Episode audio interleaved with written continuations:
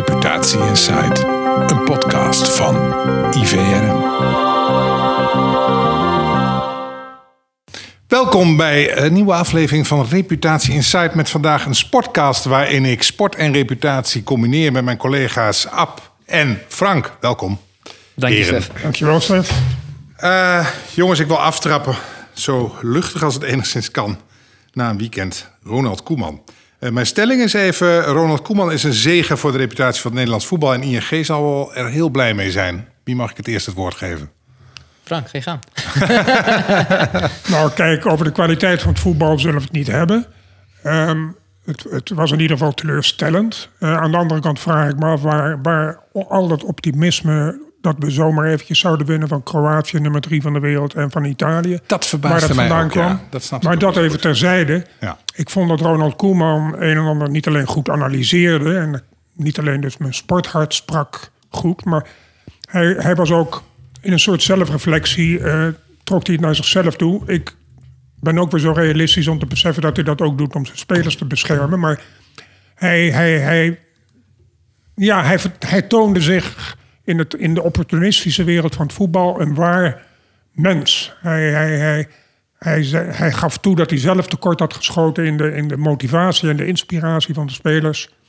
Eh, waardoor hij, denk ik, applaus kreeg, kreeg en krijgt van heel Nederland. En van de critici, Ab, de voetbalanalisten waren ook blij met hem, geloof ik. Hè? Ja, ja. Ehm, maar ik denk dat het gewoon een hele strategische set was van Ronald Koeman. Want uiteindelijk staat de reputatie van het Nederlands elftal gewoon klein op dit moment. De beetje- prestaties. de prestaties. Ja. Maar niet maar alleen. pa- past ons, de- paste die gewoon veel beter, eh, deze positie? ja, ik denk... dat- eh, eh, We willen altijd wel wereldkampioen worden. Ja, maar nee, dat dat begrijp ik. Maar het gaat meer om de reputatie van het Nederlands elftal. Het staat nu, we zijn, het Nederlands elftal is gewoon al een tijdje zoekende. Waar staan we nu precies? Ja, nu zijn we er stel lamzakken die het een beetje afwachten allemaal. Dus dat Precies. goede En onder, en onder Van Gaal was het weer...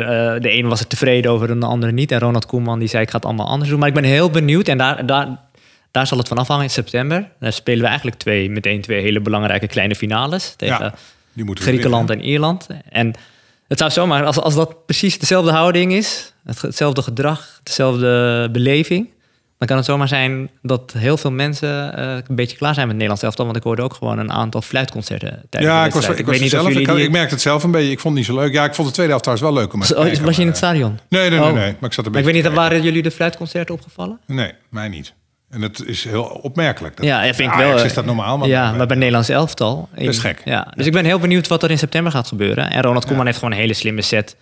Door eigenlijk, hoe noem je dat, eh, de, even aan te pakken.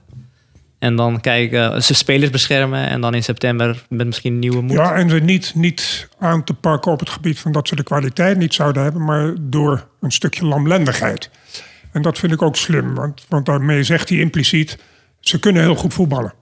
Ja, nee, zeker. En dat Nee, kunnen ze ook, want er lopen natuurlijk dat hartstikke veel eh, hele goede spelers. hey, even, ehm, ehm, als je dan even kijkt, kunnen die sponsoren waar we het altijd over hebben, ING, ABN AMRO, ABN AMRO Ajax vrouwen, ING eh, voetbal überhaupt, eh, is het dan niet beter om maar eens gewoon de focus te gaan verleggen en het vrouwenvoetbal wat meer naar voren te brengen? Want daar presteren we volgens mij wel nog het een en ander.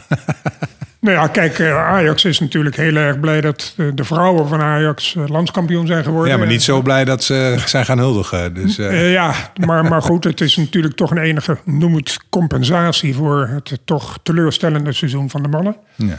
Dus wat dat betreft ja. En ik denk dat eh, ING, om maar een voorbeeld te noemen, inderdaad, als een van de belangrijke sponsors van het Nederlandse voetbal. Dat die heel erg blij zijn dat er een WK vrouwen aankomt op dit moment en niet een WK mannen Ja. op dit moment. En dan hopen maar dat we daar ook eens een keer echt... eh, misschien presteren we daar wel iets heel goeds. In ieder geval zal het er sportief goed uitzien. Dat denk ik wel.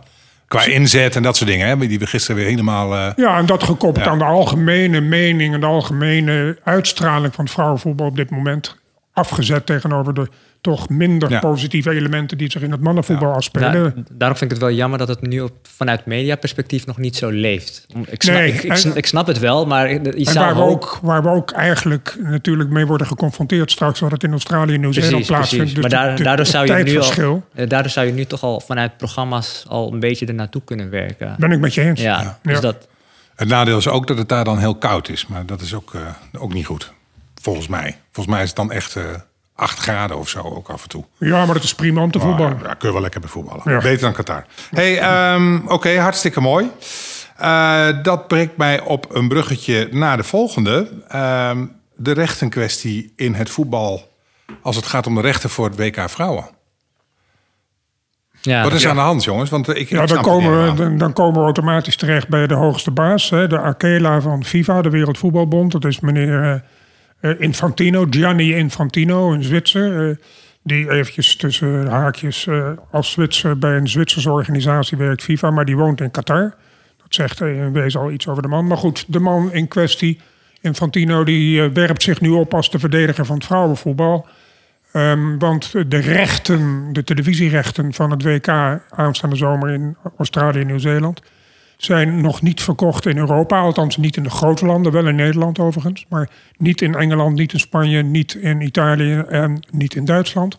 Omdat meneer, volgens meneer Infantino die landen te weinig bieden voor die rechten. Dus hij slaat voor zichzelf een, ja, noem het maar, een, een, een slaatje uit eh, het feit dat eh, de landen op basis van kijkcijfers niet willen betalen, zeker niet in relatie tot wat ze betalen voor de mannen, ehm, gaat hij nu de onderhandelingspositie in en dan denkt hij dat hij gaat scoren in de wereld. Dat zal hij ook wel. Maar ehm, het komt bij mij altijd een beetje ongeloofwaardig over uit de mond van de man die te boek staat als een zeer corrupt heerschap. Hey, maar Ab, hij heeft toch ook eh, goede adviseurs. Die gaan hem toch ook wel vertellen... joh, je scoor je niet mee. Doe eens Met Infantino bedoel je? Ja, Denk je dat hij naar zijn adviseurs luistert? Weet je wat, denk ik inderdaad dacht dat jij het was. ja. Weet je wat ik denk? Ik denk dat je gewoon de WK vrouwenvoetbalrechten weer moet koppelen aan de mannenrechten. Dat het gewoon één pakket is. Waardoor ja, dat je gewoon één deal maakt eigenlijk. Gewoon één Ja, deal. Absoluut. ja, Ik helemaal met je En ze worden, de, de pakketten zijn nu uit elkaar getrokken. Gewoon omdat ze vanuit FIFA-perspectief gewoon zoveel mogelijk geld eraan willen verdienen. En nu is er eigenlijk een soort van politiek spel waar de vrouwen de dupe van zijn. En Infantino probeert het mooi te verkopen, al trapt daar denk ik niemand in. in. Maar de vrouwen zijn daar wel de dupe van. Daarom is het vanuit, eigenlijk ook vanuit gelijkheid, gewoon een, idee om, de kop, om, die, om die weer bij elkaar te brengen. En als de mannen WK-rechten eh, straks worden verkocht, moet je gewoon meteen de WK-vrouwen erbij kopen. Het ho- hoort bij elkaar. Het is ook Kun je, toch- zou je bij, bij Roland, dan niet gewoon bij helemaal Roland, aan elkaar moeten kloppen? Ook qua locatie, qua tijdstippen en weet ik Waarom veel. niet? Dat is toch Ja, dat zou je Ja, een dat gek zou te overwegen moeten zijn. Aan de andere kant vind ik dat je in het kader van dat je dus mannenvoetbal en het vrouwenvoetbal niet te veel met elkaar moet vergelijken, dat je het niet samen moet voegen. Ik denk dat je twee aparte evenementen van moet maken. Nee, nee, zeker. Dat, dat ben ik met je eens. Daar zou je over na kunnen denken. Maar ik denk Ja. als je de vrouwen, de rechten aan elkaar Maar wel in de rechten, absoluut dan heb je dit probleem niet wat er nu over de rug van de vrouwen wordt uh, Hetzelfde geldt ook voor de sponsors. Ja, precies. Als je precies. sponsor bent voor het mannenvoetbal, ben je ook sponsor van het vrouwenvoetbal. Ja, eens. En ik vind het een beetje gek. Zoals namelijk- ING ook is, toch? Ja, Als ja. want er, wordt nu, er worden nu allerlei flutargumenten genoemd, zoals het is, eh, wordt uitgezonden op het meest eh, onlogische tijdstip, omdat het in Australië en Nieuw-Zeeland is. Maar dat was al zo. Maar ik bedoel straks met het WK 2026, dan heb je het WK eh, van mannen in Amerika, eh, Canada Mexico.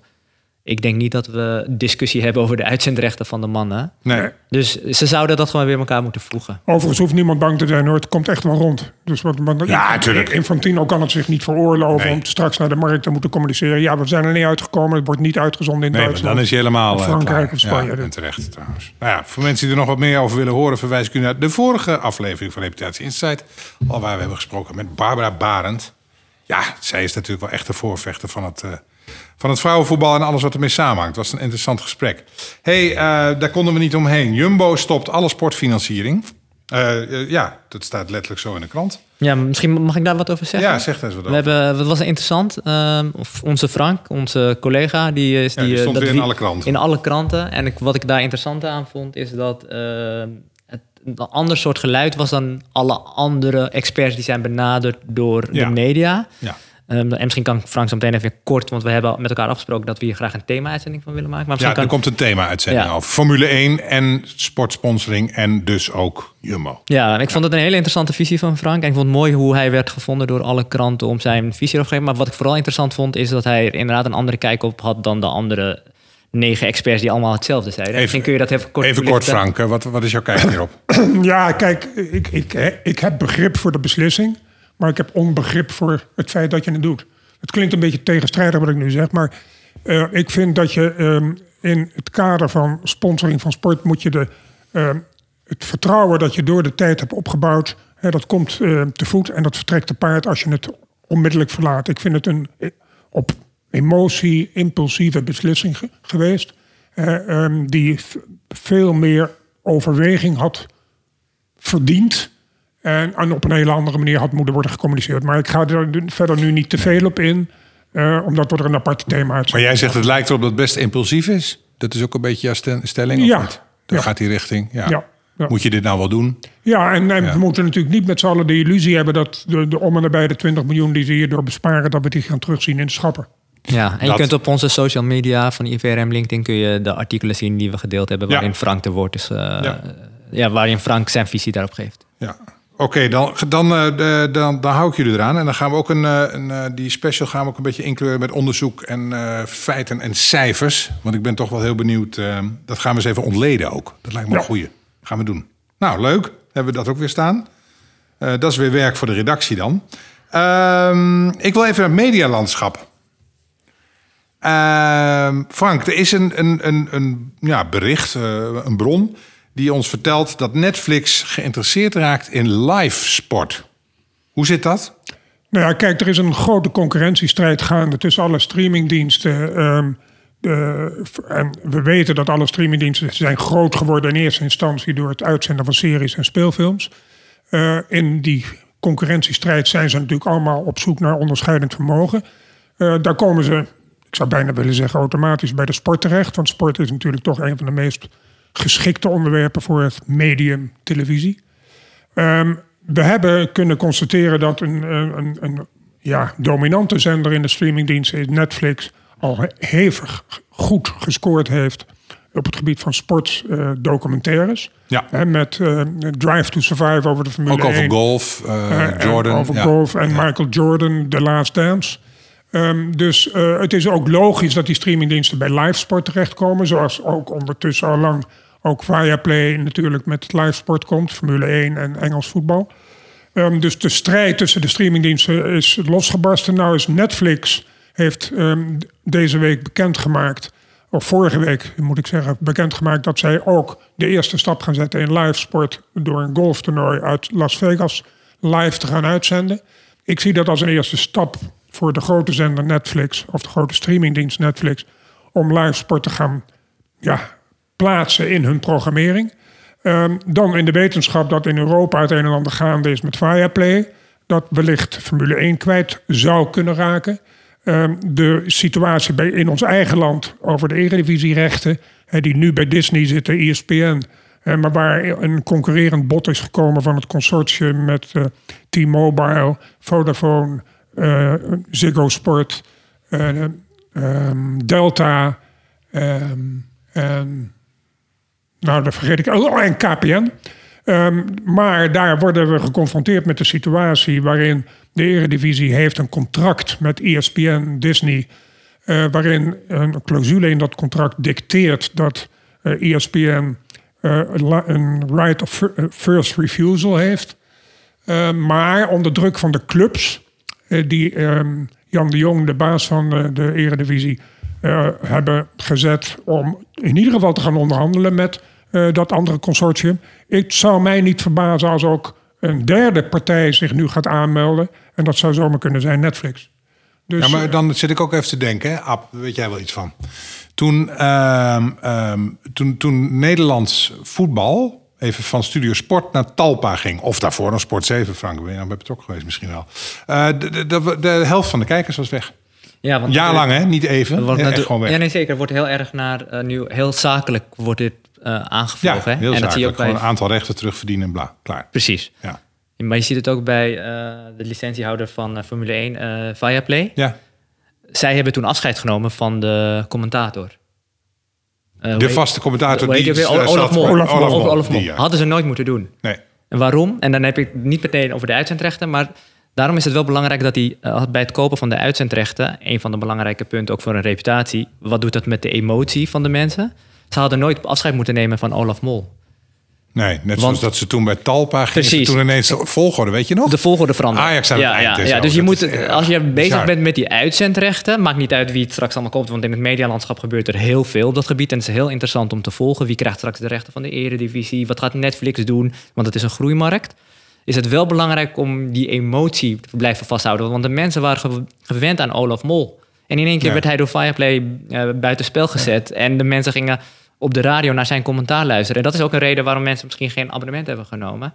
En ik ben benieuwd, eh, dit soort, dit soort merken, bijvoorbeeld ehm, dat consortium dat Frank net noemde, die hebben al over nagedacht. Die hebben zelfs al gezegd op het moment dat zij eh, de uitzendrechten krijgen, dat ze eigenlijk alles hetzelfde willen behouden. Net zoals bij ESPN, dezelfde mensen, maar alleen het logootje verandert. Nou, dat, is, dat is best een eh, vooruitblik van verandert weinig. Mensen kunnen niet tegen die verandering. Die zijn gewend aan, eh, aan hoe het er nu Ja, ja, uitziet. ja, je moet het zeker niet. Dus- Ja, dat is, dat is absoluut waar wat je zegt. Ik heb in de tijd heb ik een, eh, een analyse mogen maken over de, de- het echec, zou ik bijna willen noemen. eh, We gaan iets Sport nieuws 7. proberen. Ja, dat En vergeet dat, een, dat legendarische een lezing woord. mogen geven en daar heb ik genoemd de zeven fouten van Sport 7. En één van die fouten was dat ze wel miljoenen wilden uitgeven voor de rechten, maar niet een paar ton voor de Mart Smeetse van deze wereld Ja. en de Kees Jansma's van deze wereld. En er werden opeens nieuwe gezichten, nieuwe stemmen geïntroduceerd. Terwijl de Nederlandse kijker zat te verlangen naar Kees Jansma. Maar het is wel bijzonder dat. Fireplay dan toch dezelfde fout heeft gemaakt. Exact. Exact. Het eigen wijsheid. Maar dat heeft te maken, denk ik, met de streamingsdienst van buitenaf... die de Nederlandse cultuur niet goed Ja, kent. en mensen, Exact. En daarom is het denk ik belangrijk wat, wat het ook wordt. Of Netflix zich nou gaat mengen of Apple. Want die, die zijn bezig omdat Messi natuurlijk in Amerika gaat voetballen... om de uitzendrechten Ja, daar de Frank nog te iets leuks over te vertellen. Want Frank, eh, Apple, die doet dus elke extra abonnee die na Messi komt... daar krijgt Messi een percentage van. Ja, er zijn nu mensen die zeggen, wat, wat, wat gek dat eh, Messi opeens geko- gekozen heeft voor Amerika. eh, dat het grote geld daar geen rol speelt. Want hij kreeg 400 miljoen eh, te, ge- geboden vanuit Saudi-Arabië. Maar wat mensen even niet weten is dat Apple TV die heeft de exclusieve rechten van de Major League Soccer. Waarin Miami dus speelt. Eh, en door de komst van Messi naar die Major League Soccer verwachten ze dat het aantal abonnees zal groeien. En hebben ze een deal gemaakt waarin Messi gaat mee profiteren van elke nieuwe abonnee eh, voor Apple TV. Er zit toch wel een leuk businessmodel in de app. Ja, zeker. dat Want. Apple, wat- wat Apple daarin ook doet, is normaal deden ze alleen de rechten voor één land, maar nu gaan ze voor de wereldwijde rechten. Dus Ja. dat betekent dat er straks allerlei abonnees buiten de Amerikaanse competitie, die zijn Correct. meegenomen. Klopt. Waardoor, Ja, plus dat je dan heel in Europa natuurlijk de Messi-fans, die willen dat natuurlijk Nee, ook zeker. hebben. Nee, Dus zeker. Maar het de, weer kopen. de eerste wedstrijd wordt een happening. Maar niet alleen dat. Messi heeft nog veel meer eh, eruit gehaald. Maar vanuit die, je ziet dat die grote streamingsdiensten... die zien dat sport een groeimarkt is. En ik bedoel, eh, eh, volgens mij... maar dat weet ik niet zeker. Misschien weet jij dat, Frank. Amazon die heeft ook toch de uitzendrecht van de Bundesliga. Correct. Eh, Die, heeft ook Die liggen weer bij Amazon. In de, in de Prime, Ita- ja. Italiaanse Serie A hebben ze bepaalde rechten. Hebben ze Ja, een ja. tweede keuzepakket. Ze hebben En wat, wat, wat wel ingewikkeld is, en dat, dat op een gegeven moment ga je ook een shake-out krijgen. Al die streamingsdiensten die zijn nu met elkaar aan het concurreren. En je hebt negen apps nodig om elke sport te kunnen volgen, al series of films. Maar er komt een moment, denk ik, dat een paar van die streamingsdiensten met elkaar gaan worden overkocht. En ik ben benieuwd wat sport daarin gaat betekenen. Want sport zal een hele belangrijke beïnvloeder Maar worden. er is één wetmatigheid op internet, hè, jongens. Het heeft even niks met sport te maken of reputatie. En wel met media overigens. Maar er is een wetmatigheid. Op internet geldt the winner takes it all. In the end. Hè, dus je hebt eerst allerlei spelletjes en dan die en dan die. Uiteindelijk is er eentje die gewoon 90% gaat pakken. En dat zou dan toch wel eens Netflix toch weer kunnen zijn. Of is het dan nog iemand anders? Ja, Nou, ik- ik, denk dat natuurlijk... Disney- Apple, heeft, Apple heeft deze slag een beetje verloren, hè? Die proberen Nou ja, maar Apple TV is natuurlijk heel machtig. Eh, eh, en Disney is natuurlijk ook heel machtig. Dat is Met, waar. Disney eh. HBO heeft zichzelf ook goed bewezen. Dus het wordt een behoorlijke strijd. Maar ik ben het er helemaal met Ab eens. De, het landschap wordt nu overspoeld. En, en dat HBO kan niet is, zo de, blijven. HBO is de eigenaar van Eurosport. Correct. Dus die zijn er ook al mee bezig vanuit Discovery. Dus Dan is er nog één ding wat ik... Ik denk dat het voor de eh, kijker straks vooral, en dat is nog even voor de eer, om even nog even het verhaal af te maken en waar Frank begon. Voor de kijker is het vooral belangrijk dat ze weten op welk moment hun geliefde sport te vinden is. Dus bijvoorbeeld bij Eredivisie, bij Formule 1, als Max daarin zit. Want als Max eruit stapt, dan wil niemand weer wat met Formule 1 te maken hebben. Het, het- mensen zijn, dus nou, ik ben ervan overtuigd dat degene die in Nederland de rechten gaat krijgen, wie het dan ook zal zijn, dat hij er verstandig aan zou doen om wel de samenvattingen bij de NOS te laten. ja, het gaat echt om die emotie. Dat is weer zo'n Absoluut. ding wat je kan leren uit het eh, Ja. verleden, zeg Ja. maar.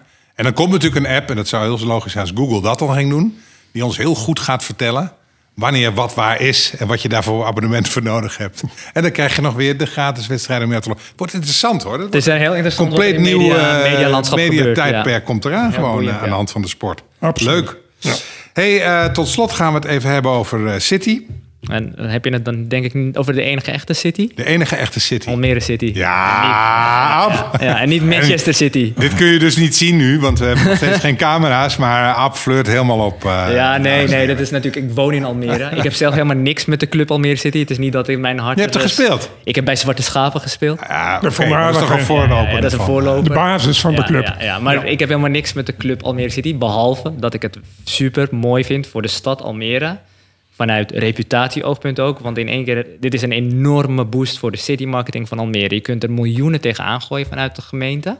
Verstandiger dan de Floriade, zullen we maar zeggen. Ja, veel verstandiger. Ja. En dit, maar dit zal voor een enorme versnelling zorgen. Ehm, Almere is in één keer trots.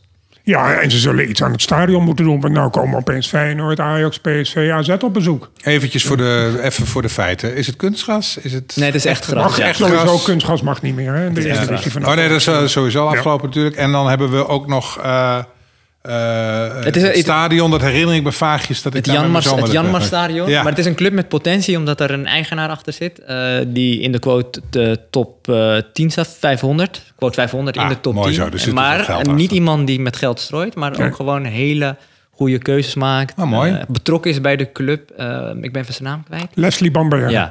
Nou, het is een man die, die eh, de, een bepaalde bescheidenheid toont... en niet, zichzelf niet op de voorgrond zet bij de club. En dat vind ik al een heel goed teken. Ja, en knap hoe ze het voor elkaar hebben gekregen om, eh, te, om, ja, om te promoveren. En ik ben benieuwd wat zij eh, voor elkaar gaan krijgen. Dus leuk om eh, te gaan volgen. Ja, zeer zeker. Ze gaan nog niet kampioen worden, denk ik. Hè? Nee, Nee, maar ik, ik zie ze wel handhaven. Ik zie ze wel bovenin het rechte rijtje komen. Het zou heel bijzonder worden als zij Europa ingaan. Eh, dat zit allemaal niet zo heel ver van elkaar. Ik denk een dat beetje- je- dat Ze hebben een goede trainer, hè, die Alex Pastoor. Die heeft wel meer kunstjes geflikt Alex in het Pastoor voetbal. is een goede trainer-coach. Eh, die, Die dit, dit met name erg goed kan, dit soort Ja. dingen. Ik denk dat je het wel mooi eh, hebt gezegd, eh, Stef. De Almere kon dit wel goed gebruiken naar de, naar de, de, de flater van de Floriade. Ja, die was natuurlijk verschrikkelijk. En dan, eh, Ja. kan, maar dan zie je dus wat de impact is van een, van een betaald vereniging voor een stad, wat dat Wat betekent. gek is, hè? want de Floriade, ik ben er zelf niet geweest, maar ik ken wel mensen. Dat is echt heel mooi. Hè? Dat is een mooi evenement. Dat hebben ze totaal. eh, nou ja, goed. Laat ze dit in ieder geval beter doen dan, eh, dan in ieder geval. Ehm, heren, mag ik jullie hartelijk danken voor deze prachtige podcast, maar weer. Graag gedaan. Stef.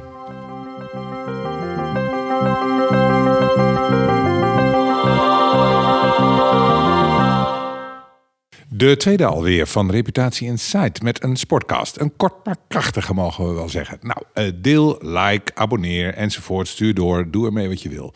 En ehm, de volgende keer dus over... De sportcast gaat de volgende keer in ieder geval over Formule 1. Met alle feiten en cijfers. Dus blijf gekluisterd aan je iPhone.